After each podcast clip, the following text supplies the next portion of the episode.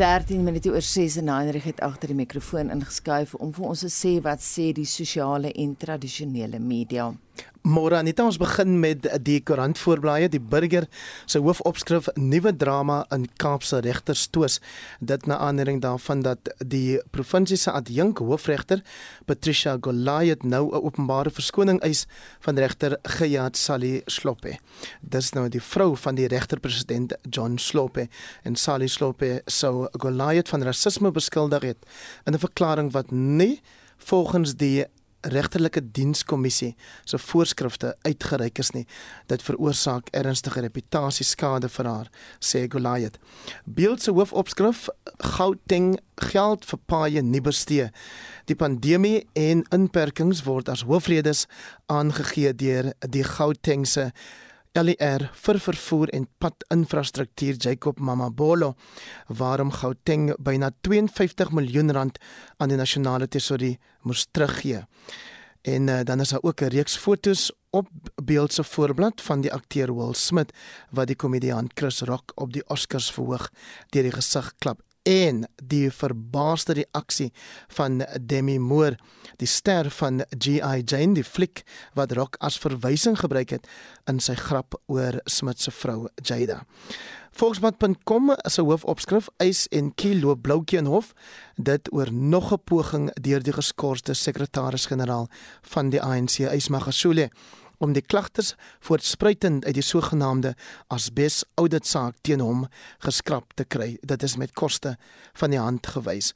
Op Independent Online se tuisblad, die hoofopskrif daar Film Academy condemns Will Smith's Chris Rock slap starts review of Oscars incident en dit spreek van self waaroor dit handel op Twitter is die ongewilde klap steeds gewild en dan is daar ook 'n hitsmerk oor Julius Malema die leier van die EFF en Nslantla Lux Dlamini die leier van operasie Dudula. En dit was 'n blitsnuusoorsig. Nou Sondag was dit 2 jaar sedert inperkingsmaatreëls teen COVID-19 hier in Suid-Afrika ingestel is. En daardie eerste maatreëls, ons almal weet, was streng. Wie onthou nog die drank en tabakverbod, die beperking op mense se bewegings en die vrees dat winkelrakke leeg sou word. Baie mense het produkte soos toiletpapier en geblikte boontjies opgepot. Uh baie besighede moes hulle deure sluit. Huwelike het op die rotse geloop. Uh, nou wil ons by jou weet vanoggend, hoe het 2 jaar van inperkings jou lewe verander? Stuur vir ons 'n SMS op 45889. Dit kos jou R1.50 per boodskap. Jy kan ook 'n stemnota stuur na 0765366961 of praat saam op die Monitor en Spectrum Facebookblad. Die leier van operasie Dudula, Nhlanhla Dlamini, is gister op borgtog van R1500 in die Rodepoort se Landdroshof vrygelaat. Hy word van huisbraak, diefstal en kwaadwillige saakbeskadiging aangekla. 'n Bejaarde man het verlede verlede Woensdag 'n klag van inbraak en intimidasie asook aanranding by die Dobsonville polisiestasie in Soweto gelê. Hy beweer dat Dudula hom die naweek aangerand het nadat lede van die organisasie by sy huis ingebreek en hom daarvan beskuldig het dat hy 'n dwelmhandelaar sou wees. Mitsi van der Merwe doen verslag. Ntlantla Lux Dlamini is na 4 nagte in aanhouding op borgtog van R1500 vrygelaat.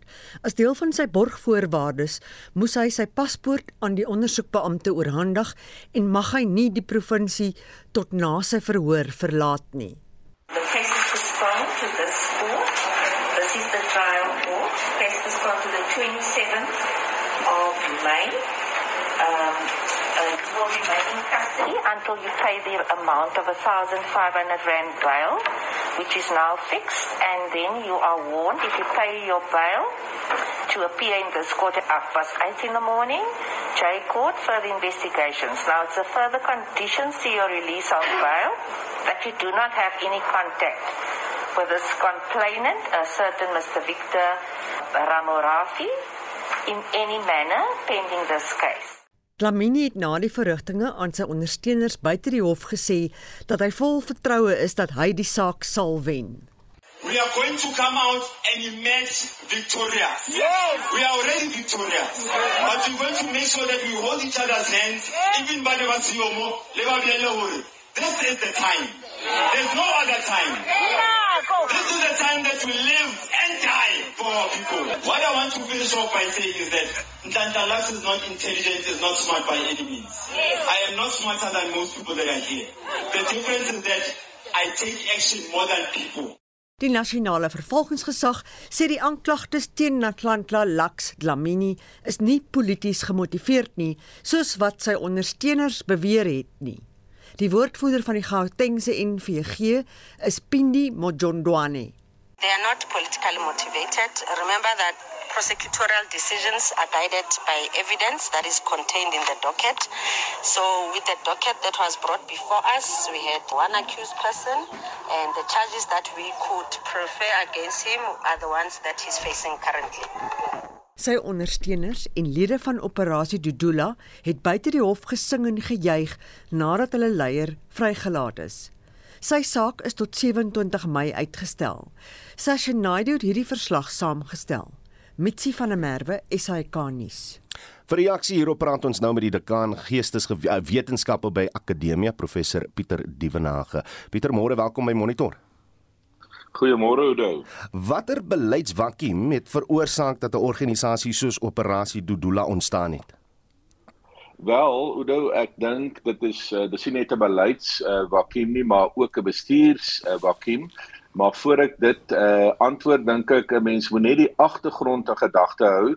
Jy weet ons is 'n middelinkomste 'n redelik gesofistikeerde land uh met die 32ste, 33ste sterkste ekonomie in die wêreld.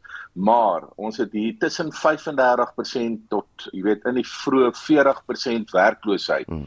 So ons is 'n magneet uh, uh vir ehm um, immigrante en ons het so 4 tot 6 miljoen uit ons 60 miljoen.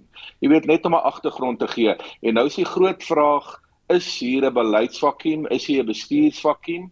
Want dit is die verantwoordelikheid van die departement binnelandse sake in samewerking met ander soos arbeid, maatskaplike dienste, polisie en weermag dat mens hierdie ding goed moet uh bestudeer, jy weet. Hmm. En nou is die dilemma uh, net om uh, net om hierdie punt af te sluit dat ons het sedert 2008 Jy weet in weer in 2015 en in 2016 en in 2019 gevalle van geweld teenoor emigrante in Suid-Afrika. So dis nie iets niets nie hmm. en wat ons nou hier rondom operasie Dodula sien, ehm um, is ehm um, eintlik iets waaroor ons as Suid-Afrikaners uh, moet diep gaan nadink.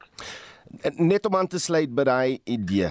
In in 2008 soos jy nou reggestel het hier in Suid-Afrika xenofobie daarvoor gesorg dat me, meer as 1000 mense hulle huise moes verlaat om by 60 mense is vermoor in geweld as gevolg van die uitkringing van xenofobie. Dit was 'n soort van die begin in in die demokratiese era van uh, hierdie lelike verskynsel. Sedertdien kan ons na enigiets konkreet verwys wat die regering probeer doen het om dit van hy punt af hok te slaan uh, want almal praat nou oor samehorigheid asof dit iets is wat jy net van 'n spys spyskaart af kan bestel. Het die regering enigiets sedert daai tyd gedoen om hierdie samehorigheid behoorlik te bewerkstellig? Nee Udo ek dink nie so nie. Weet as mens nou um, terugkyk vanaf 2008 tot nou en mens kyk na die jare van uh, voormalige president Zuma maar self ook nou president Ramaphosa dan eh, dink ek een van die sentrale aspekte van die Suid-Afrikaanse staat is die ehm um, probleem van bestuur. Jy weet en onprofessioneel en ehm um, op 'n manier ehm um, jy weet so te bestuur dat die uh, Suid-Afrikaanse staat vooruitgaan. Jy weet op alle terreine. Dit is nie net oor immigrasie nie, as jy nou maar dink aan energievoorsiening, as 'n mens dink aan staatskaping en al die dinge. So ek dink hierdie hele kwessie van immigrasie is deel van 'n groter patroon. Dis 'n staat wat nie uh goed bestuur nie en dan begin ehm um, jy weet burgers die reg in eie hande neem wat ons ook nou weer ehm um, sien rondom operasie Dodula en hierdie hofsaak uh, maar soos jy ook uh, daarop wys dis 'n ding wat vanaf 2008 kom en ons het eintlik nog nie veel gevorder om hierdie samehorigheid soos jy dit ook stel ehm um, jy weet te bewerkstellig nie. Ek ek het gister een van Atlanta Lux Lamini se ondersteuners buite die hof in Rodepoort hoes hoor sê dat Suid-Afrikaners wat nie in gemeenskappe bly waar waar daar talle buitelandse burgers van ander Afrika lande leef nie. Hulle het glad nie segenskap uh, oor wat Dudula besig is om te doen nie, want hulle uh, hulle sal nie weet wat op voetsool vlak aangaan nie. Het hy 'n punt beet?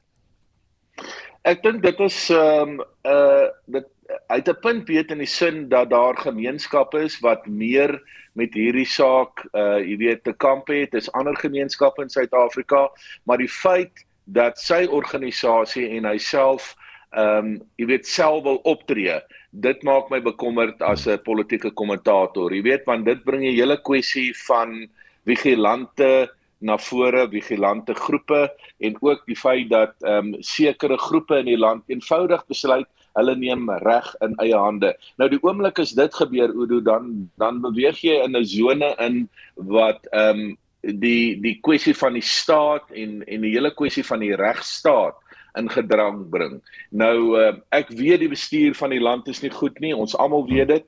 Uh, ons weet daar's uh, probleme met die funksionaliteit van die staat, maar die oomblik as jy vigilante groepe toelaat om hulle eie ding te doen, dan um, dan beweeg jy in 'n in 'n rigting van anargie en van chaos en uh dit is dan buite die regsraamwerk van die staat en en en dit kan gevaarlik word. As ons net kyk na die breër konteks, ons regering is tans besig met wetgewing wat verhoed dat sekere klas van werkers nie maklik in Suid-Afrika verblyf sal vind nie. O, ons kan kyk na hoe gaan operasie Dodula stelling inneem in ons gemeenskappe en hoe sekere politieke partye nou ook hulle aansluit by die groep se boodskap. Dan kyk jy ook na na hoe swak die polisie verlede jaar uh, gereageer het op die onluste in Suid-Afrika. Uh, ek's uiters bekommerd dat iets aakligs aan die broei is hier in Suid-Afrika. Deel jy daai kommer? Ja, ek dink jy is heeltemal reg want uh hierdie is nie 'n ding wat vanaf gister hier met ons is nie. Dis al 'n meer as 'n dekade. Jy weet en wat my um bekommerd maak is dat uh hoofstroompartye begin nou ook uh die hele kwessie van emigrasie ehm um, jy weet uh, sterk uh op die agenda bring en op 'n manier wat nie altyd ehm um, sou ek sê uh rasioneel is nie maar maar wat meer emosioneel en populisties is. En hier dink ek nou jy weet aan 'n party 'n nuwe een soos Action South Africa jy weet ASA hmm. van Herman Mashaba. Mense sou mense sou hoop ehm um, hulle speel 'n 'n 'n belangrike rol op pad na koalisie regerings in Suid-Afrika. Hulle maak sulke uitlatings. Sowel as die EFF jy weet het die laaste tyd self uh ook in hierdie rigting beweeg uh want dit is 'n meer populistiese tema nê emigrasie ehm um, uh om om om uh, immigrante wat ehm um, in Suid-Afrika is en nie seker of hulle wettig is hier of nie jy weet te gaan teiken nie. Hierdie is 'n is 'n hoogs emosionele saak en as dit nie reg bestuur word nie hoe kan dit tot uh geweld en ehm um, jy weet tot vergrype lei wat glad nie goed is vir 'n land wat 'n voorbeeld wil wees in die wêreld van soos jy dit voorheen gestel het samehorigheid en menseregte is nie. Professor Pieter Dievenage, ek sê vir jou baie dankie vir jou tyd. Hy is dekaan uh, in geesteswetenskappe by Akademia. Die ANC se voorste amptenare met die president van die party se vroue liga, Batabile Dlamini se skuldigbevindings weens myneet bespreek. 'n Taakspan van die ANC se nasionale werkskomitee moet toesien dat daar oor Dlamini se rol en toekoms in die liga besluit word, Mitsi van der Merwe het meer. Die ANC se nasionale uitvoerende komitee het die afgelope naweek vergader om kwessies wat nie net die party maar ook die land raak te bespreek.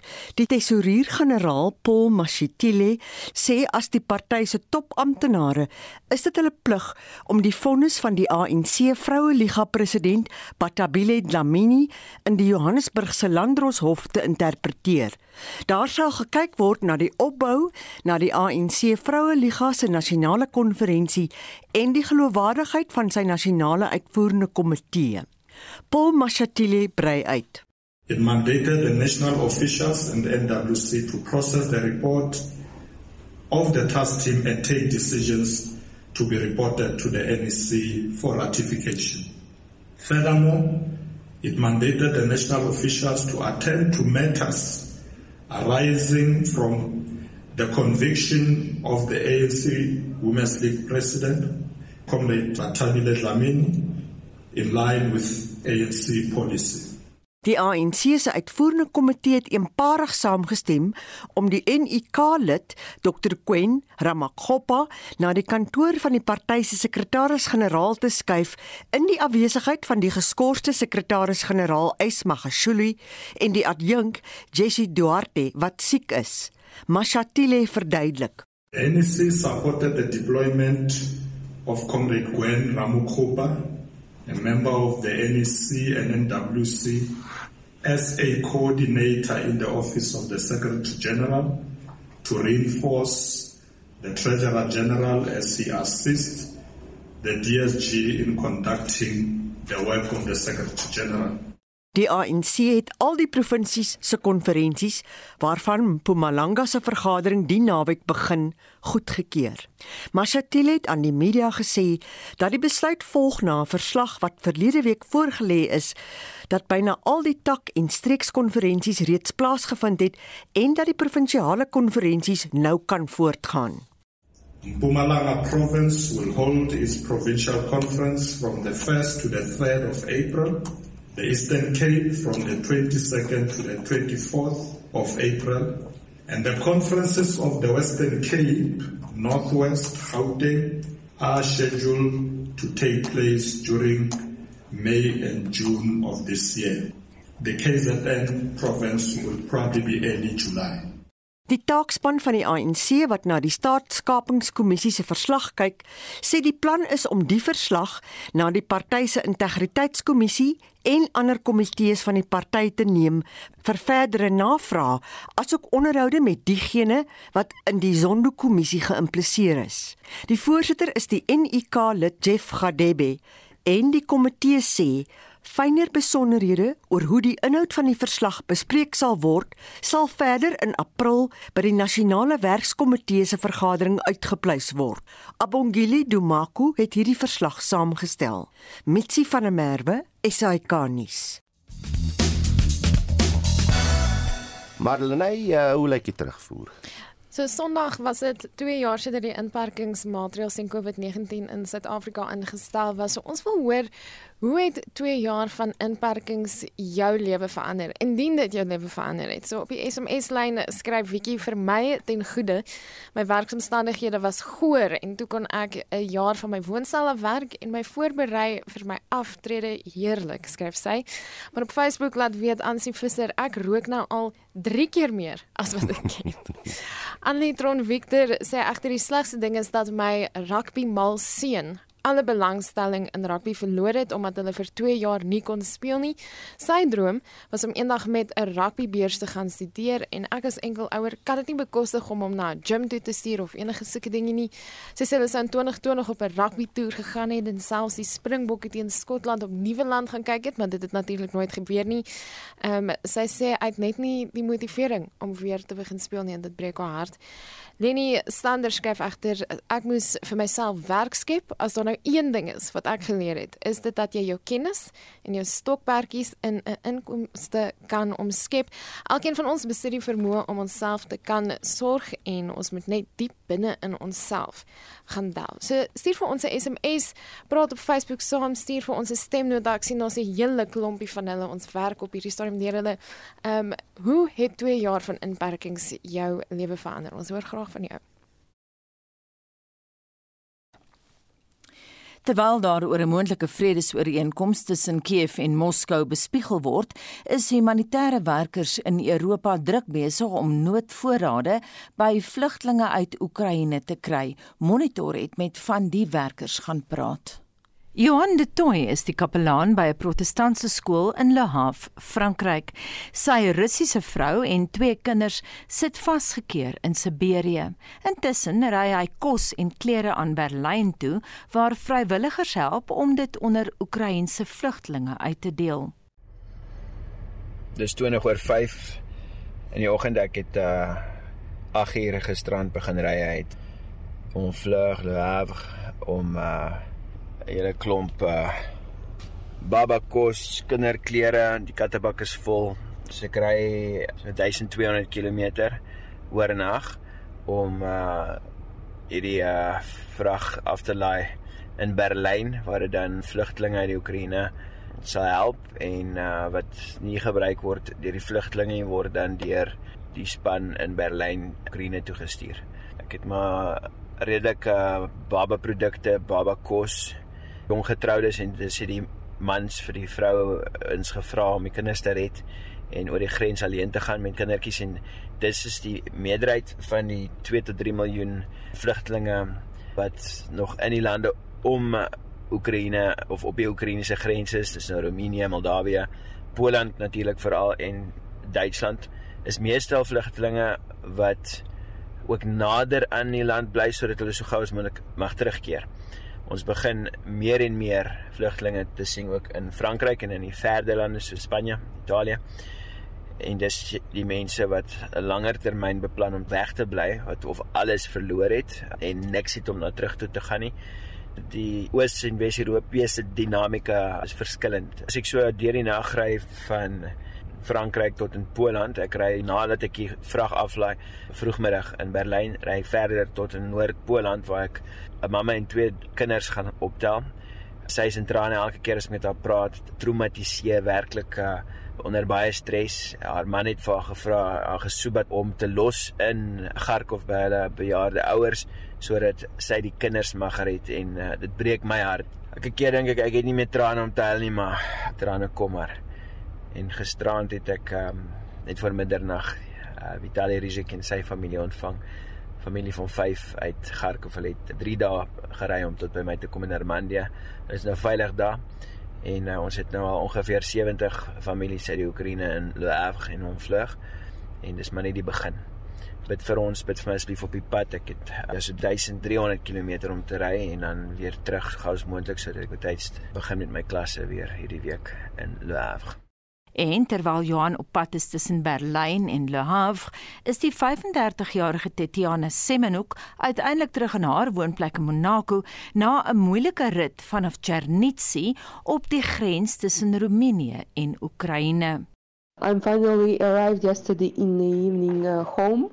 I was crossing the border Romania. Now it's less people to go out. Still people going out with the cars, but it's really amazing. They are taking care about just cross the border. They're taking care about with everything. You are fully equipped. You know, you have food, you have clothes, you have people who are occupied. If you don't have where to stop, they're taking you by bus they're taking you directly to the family. Where is waiting you? You can stay as long as you you wish. It's nice. They have a places for the kids. They have psychologists. Really amazingly amazingly really nice. Johan de Toy laat my sporadies weet sodra hy weer die pad vat met nog voorraad Duitsland toe.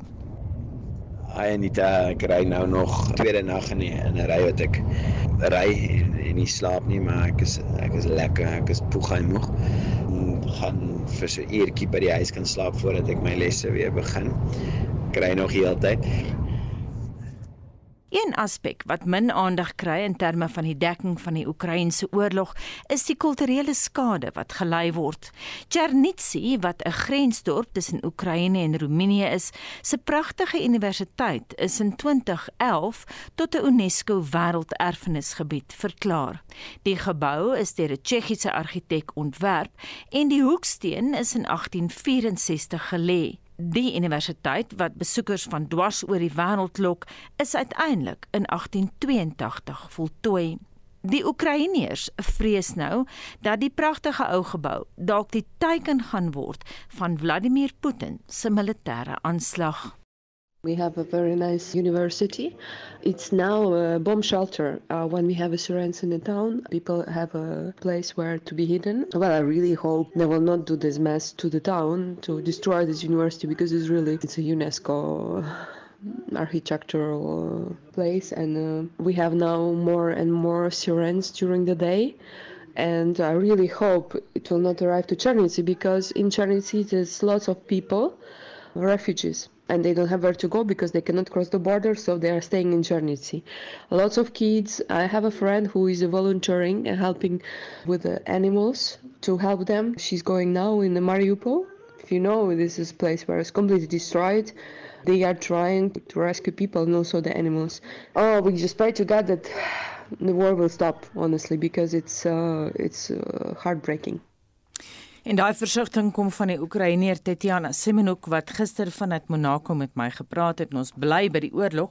Terwyl Russiese en Oekraïense onderhandelaars probeer om die oorlog te beëindig, bespiegel ontleeders oor die kans vir vrede. Ons praat veraloggend hieroor met 'n Oekraïense politieke en militêre ontleder aan die Instituut vir Sekuriteitsstudies in Pretoria, Denis Riva, wat die gebeure in sy geboorteland dophou en vir sy indrukke sluit hy nou by ons aan. Good morning Denis. Good morning. President Joe Biden made an unfortunate statement regarding regime change, but has since apologized, and of course, so has Anthony Blinken as well. But this is might just be more fodder for Putin's gun. Uh, yes, um, it was it was an unfortunate statement, and I think it was unfortunate for, for a number of reasons. First, of all, I think it took away uh, the attention from a major speech and, the purpose of the trip in the first place. And I saw that uh, the media is is paying more attention to the statement than the uh, the trip itself, which is really unfortunate. Um, there are some statements that uh, this this statement may hurt the diplomatic process. I don't think this is true. Um, however, I think the timing of this statement was really not well uh, thought through because um, uh, it, first of all, yes, as you mentioned, uh, the walk back made the U.S. look a bit clumsy, but also it, it also in, in, an interesting way it it may make a regime change in Russia less likely, and it actually gives the regime more legitimacy, because any attempt to now protest against the regime or um, any action against the regime in Russia would now be seen in the context of Biden's statement. So I, I would agree with you. It was an unfortunate statement mm-hmm. here. President Zelensky seems ready to negotiate. What will he be willing to sacrifice? Uh, well, it's it's true that he he is he uh, from the start of the war he was quite willing to to find a diplomatic solution to this war, uh, but it's it's it's important to uh, mention that he is restricted in terms of two very important aspects. Firstly, um, um, the recently published public opinion, uh, in fact, there were a number of surveys done, indicate that anywhere from 76 to 93 percent of Ukrainians believe that Ukraine can win this war. Now, this is, of course, not an indication of, of any success or military success. However, what it shows is that Ukrainians are, um, the way Ukrainians see this war is, is they, they're ready to fight, they're ready to uh, fight back against Russian, the Russian invasion. So any attempt to to push territorial, uh, you know, uh, push concessions in terms of territorial sovereignty, or or any such concession would, would be seen as as a loss by Ukrainian public, mm. um, and so he is restricted in that regard. But also he is, um, unfortunately, or fortunately for him and for uh, Vladimir Putin, he is restricted by the constitution.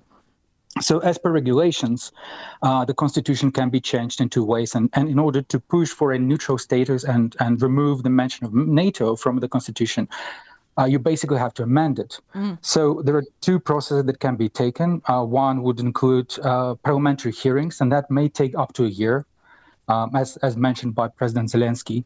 So it's a rigorous process.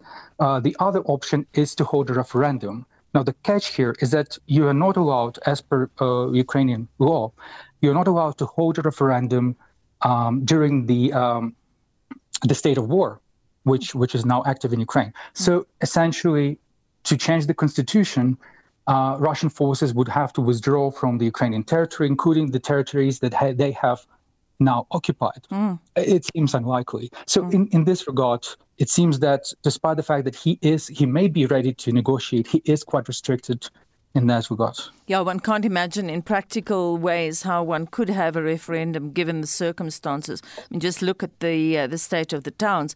In the previous insert, we just heard how Tetiana Semenuk, who is a countrywoman of yours, was praying for peace, describing the war as heartbreaking. Do you think this war might end before, say, July? Uh, well, I think July is a bit easier to, to estimate. My, my estimate would be no. Now, I think the war will continue. Uh, whether the war will continue until the end of uh, this year, that's a bit difficult, more difficult to say. But essentially, what we need to understand is that uh, the war will continue until either the uh, the domestic pressure in Russia, uh, as a result of this war, becomes so unbearable that Putin would have to look for a diplomatic solution or way out, mm. or if Ukraine uh, Ukrainian will to fight is broken, and as I mentioned, it doesn't seem to be the, the case right now. So uh, before these these um, conditions are met, I don't think the war will stop. We're looking, we're seeing now that, uh, for instance, uh, you may have heard there was a recent statement by Moscow that uh, they consider the first phase of the war to be over, and they now will be focusing more uh, more um, more precisely on the eastern part of Ukraine to uh, to capture the remaining parts of the uh, Donetsk and Lugansk regions.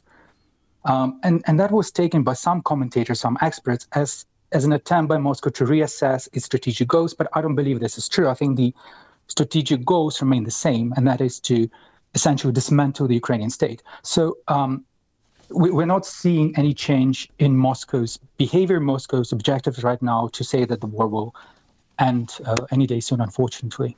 What about Azerbaijan?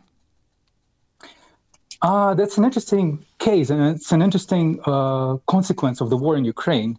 Uh, you know, Russia has has created a number of breakaway regions around its borders, and uh, the catch here is that in order to sustain these regions, uh, they require constant military presence of Russian forces. Now, because of the war, Russia had to pull away and withdraw its uh, peacekeeper mission from from the breakaway region of Karabakh in Azerbaijan. And uh, this pre- presented an opportunity for Azerbaijan to move in some troops and occupy, uh, well, take over a number of uh, key villages here. So I think when we look at uh, Azerbaijan and, and, draw parallels with Ukraine, with Ukraine, I don't think that a military conflict between the two countries is likely. And there's a number of reasons for that. Firstly, as I mentioned, a Russian military is slightly stretched right now. Um, so it's unlikely that they will pursue this uh, campaign, but also politically, it's important to remember that Azerbaijan is a close ally of Turkey. And it's likely that whatever Azerbaijan is doing is mm. is uh, with the full support of Turkey, and Turkey, of course, is a is a uh, an important mediator in the war. So I don't think Russia would move to antagonize uh, Turkey at this moment. So I don't think there was uh, there will be any action except for diplomatic action from Russia. Denise, just lastly, we know that Putin is struggling economically. He's asked for payment in rubles for gas reserves. We've already heard the Austrians say we will not do that. We'll keep on paying you in euros. What are his uh, options economically?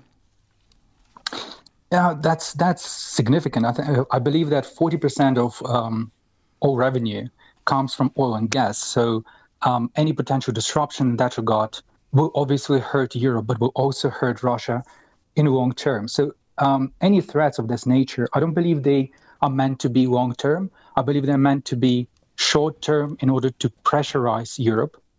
And the hope is that Europe will act in accordance with Russia's interests. Um, well, unfortunately, and you mentioned the pressure is rising. You know, thousands of people are losing jobs. The inflation is skyrocketing. But unfortunately, there are early signs that Russia is preparing to transform its economy to a war economy. And they're passing laws that would allow them not only to nationalize foreign businesses, but also to uh, prioritize the production for the needs of the military. Um, that hasn't happened yet. However, I think what they're trying to do right now in, in, in Ukraine is to create a leverage uh, by, by focusing on phase two, create a leverage to pressure Ukraine into negotiations and to, to end this war quickly. But if that fails, we may see Russia moving into a uh, transforming its economy into war economy. Hmm. And that's the only way forward. And uh, uh unfortunately, it doesn't seem like they're willing to stop at this moment. Thank you very much. Dit dan 'n Oekraïense politieke en militêre ontleder verbonde aan die Instituut vir Sekuriteitsstudies in Pretoria, Dennis Riva. Ons is vir nou eers terug op tuisbodem in die saak teen die man wat daarvan beskuldig word dat hy 6 mense in Kanini op die Kaapse vlakte doodgeskiet het, is in die Landdroshof in Kaapstad tot Maandag 4 April uitgestel. Die 35-jarige Tando Shuba het gister vir die eerste keer in die hof verskyn na sy arrestasie 'n paar dae gelede. Kobben August doen verslag. Die nasionale vervolgingsgesag sê hulle sal die borgtog in die saak teenstaan. Shuba is die enigste verdagte wat tot dusver in verband met die skietery in hegtenis geneem is. 'n Woordvoerder van die nasionale vervolgingsgesag, Erik Ntabazalila, sê hulle wil Shuba vir die moorde as 'n skedule 6 misdaad aankla. We are very much likely to oppose bail because we're arguing that it's a Schedule 6, which means the onus is on him to show to the court that he deserves to be released on bail. 'n Wijkraadslid vir die gebied, Ayanda Tetani, sê inwoners is verlig nou dat iemand vir die moorde in hegtenis geneem is. The arrest to the community is a victory because when you lost so many lives and then no arrest, it makes you as the community not to relax. But when there's an arrest, it makes at least things to be much easier. Die polisie sê hulle verwag om nog verdagtes in die saak in hegtenis te neem. Die ondersoek na die skietdood van 5 mense in die Endlovini informele woonbuurt net daar voor die Enkanini voorval gaan ook voort. Ek is Koop in August in Kaapstad. Die vakbond Solidariteit gaan 21 beweerde staatskapers vandag by die polisie in Brooklyn, Pretoria aankla. Die, dit sluit in oud-president Jacob Zuma en die voormalige SAL baas Dudu Myeni. Ons praat nou hieroor met die bestuurshoof van Solidariteit, Dr. Dirk Herman. Dirk, môre welkom terug by Monitor. Baie dankie, Udo. Wie anders is op die lys gee ons so 'n paar name? Ek dink ons groot fokus is veral op plekke waar werkers se werk plunder het. Dis veral waar ons lede is. Dit beteken dis ons fokus op die SAL, op Transnet, op Eskom en die name wat ook op die lys is behalwe natuurlik oud president Jacob Zuma, Zuma en Dudu Myeni is dan ook die voormalige hoof van Transnet en Eskom Brian Molefe. En dan wat belangrik is want dit is 'n groot fokus wat ons het is op die korrupsie en plundering by Denel. So ons fokus op die voormalige voorsitter van Denel dan Daniel Mancha en ook op die voormalige uitvoerende hoof ook van Denel so Lakin Tsepe en dan nog 'n reeks ander mense maar soos wat jy hoor ons fokus veral op uitvoerende mense hmm. wat in gesagsposisies was toe daar geplunder is. Verduidelik net vir ons Jacob Zuma se saak is nou reeds op die hofrol. Uh, waarvoor moet hy dan nou nog vervolg word? Wat gaan nou anders wees van wat julle na die Brooklyn polisiestasie toe gaan neem vandag? Ja, onthou hy word op die oomblik ehm um, aangekla en hy word aangekla sê net maar van klagtes A, B en C, maar daar's natuurlik nog D tot Z. So wat ons spesifiek fokus is op klagtes teen hom wat uit die Zondo verslag uit voortvloei. Daar is nog geen vervolging wat dit betref nie en daar fokus ons op sy rol om korrupte aktiwiteite te fasiliteer met 'n spesifieke fokus dan by hom maar die meeste van die ander is dieselfde op korrupsie, vermorsing van staatsgeld as ook bedrog. Ons hoor nou sê dit die vrystelling van die Sonnekommissie versla hoe ons nasionale vervolgingsgesag geplooi dooi lewer uh, vir verdraagsaamheid. Hulle sê die spesiale ondersoek eenheid uh, werk net op 'n balans van waarskynlikhede om hulle in staat te stel om die name te noem van mense wat julle nou strafregtelik gaan aankla. So hoe gaan julle aksie vandag die ondersoeke wat reeds gelas is enigsins versnel? Want is tog dieselfde vervolgingsgesag wat sal moet wag vir dieselfde polisie uh, wat sal moet wag vir dieselfde valke om eintlik ondersoek in te stel uh, teen teen dieselfde lys mense Dis dis 'n groot frustrasie op die oomblik want die feit is al hierdie klagtes wat ons op die oomblik indien is daar nog geen vorm van vervolging nie. Wat ons op die oomblik doen is om die proses te versnel. Nommer 1 ons ehm um, dossier wat ons indien die solidariteit dossier is ongelooflik volledig. Hy is van so 'n aard dat dit die vervolgingsgesag onmiddellik sal kan in staat stel om te vervolg. So ons het 'n klomp van hulle werk wat hulle kla oor kapasiteit het ons vir hulle gedoen. Hulle kan dit onmiddellik gebruik. E, eintlik is ons dossier ook 'n klagte teen die onbevoegdheid wat jy eintlik nou net genoem het, die frustrasie wat ons as burgers het. Daar gebeur net mooi niks nie, maar ons as burgers het 'n plig, ook 'n statutêre plig om klagtes in te dien vir alles ons selfbewus is daarvan. Ons het dit nou gedoen met behoorlike bewoorde klagtes wat net so tot vervolging kan aangaan. Het jy al met uh, Shamila Batoy gepraat van die vervolgingsgesag om te sê kyk, hier is inligting, miskien kan dit help, miskien kan dit die proses versnel? Ons regspan het gesprekke gehad met die vervolgingsgesag. Die aanbeveling was gewees dat ons moet voortgaan met die spesifieke klagtes.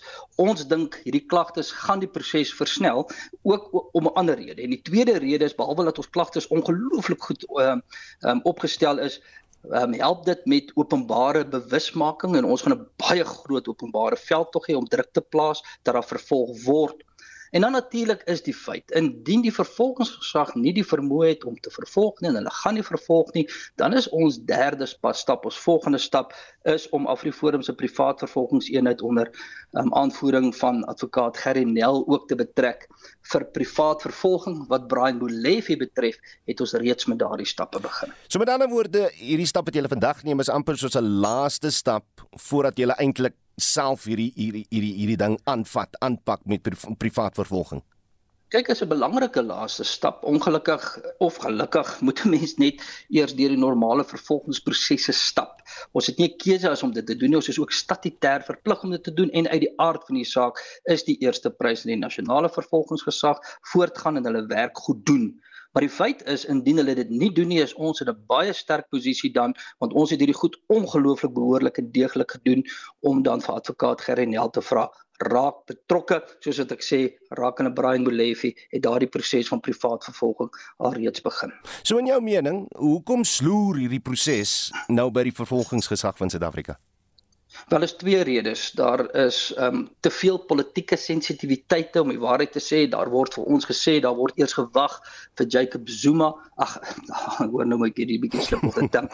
Uh, vir Cyril Ramaphosa met sy verslag oor hoe hy dit gaan hanteer en uh um en en op 'n oomblik sit almal en wag en daar is politieke sensitiwiteite, daar's politieke binnengevegte en aan die ander kant is daar net eenvoudige onvermoë. En ons as burgers moet baie baie klem daarop lê en ons moet aanhou met die druk. Ons moet net eenvoudig aanhou en nooit ophou met druk en moedeloos raak nie. Want die feit van die saak is hierdie staatskapers loop daar buite rond. Ons lede het hulle werk verloor en hierdie ouens loop nog met sakke vol geld um, rond van die geld wat geplunder is wat vir ons lede byvoorbeeld by Dendel betaal moes word. Dis die bestuurshoof van Solidariteit Dr Dirk Herman. Daar is geen verkeer. In Gauteng en Johannesburg kom stadig bewegende verkeer voor by die N12 Oos-afrit op die N1 by Diepkloof en ook in die rigting van Heidelbergstraat op die N3 by Germiston. By Midrand veroorsaak 'n motorongeluk voor Olifantsfontein dat die verkeer daar in 'n suidelike rigting stadig beweeg in Mpumalanga op die N4 het 'n vragmotor se vrag afgeval voor die Middelburg Plaza. Verwag vertragings as jy jouself in daai geweste bevind. Stuur vir ons jou verkeersnuus na 45889 en begin asseblief daai boodskap met die woordjie verkeer. Kom ons gee vir Marlenae spreekbeurt. Ja, ons praat 'n bietjie vanoggend oor die inperkingsmaatreëls wat nou al vir 2 jaar geld. Sondag was dit 2 jaar vandat ons sekere goed nie kon koop in die winkels nie en in ons huise gebly het. Ons wil weet, het dit jou lewe verander? Indien wel, hoe het dit verander? Julle kan maar met ons bietjie saamgesels van die terugvoer wat ons sover ontvang het. Lockdown het my lewe ten goeie verander dat ek van die huis af kan werk.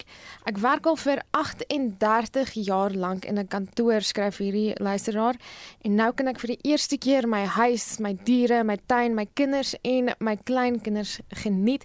Heelwat mense wat ervarings soos dit deel.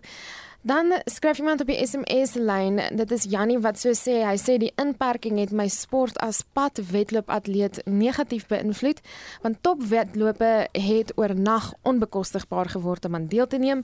Ek draf nog steeds vir oefening, maar mis die lekker fantastiese gees wat daar heers tussen honderde padwedloop atlete wat aan wedlope deelneem. Op Facebook laat weet nog iemand, dis wel die laaste keer wat ek gedraf het ook, want ek het al om die huis, al om die huis huis in die motorhuis gedraf en uh, nog iemand wat sê die inperking was heel goed. Die klokreël en sosiale afstand was absoluut die beste.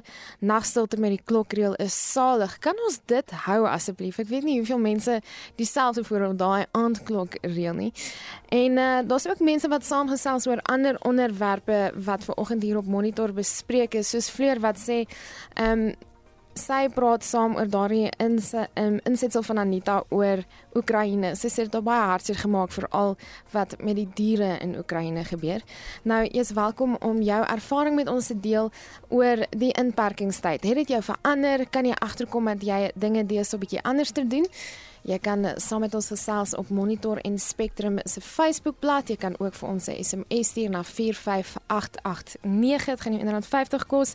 Kan ook vir ons WhatsApp stemnota stuur.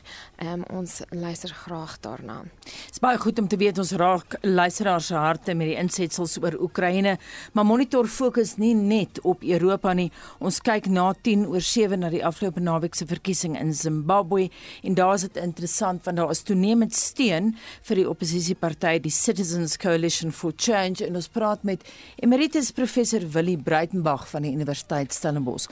Bly ingeskakel, maar dit bring ons by die 7 uur nuus.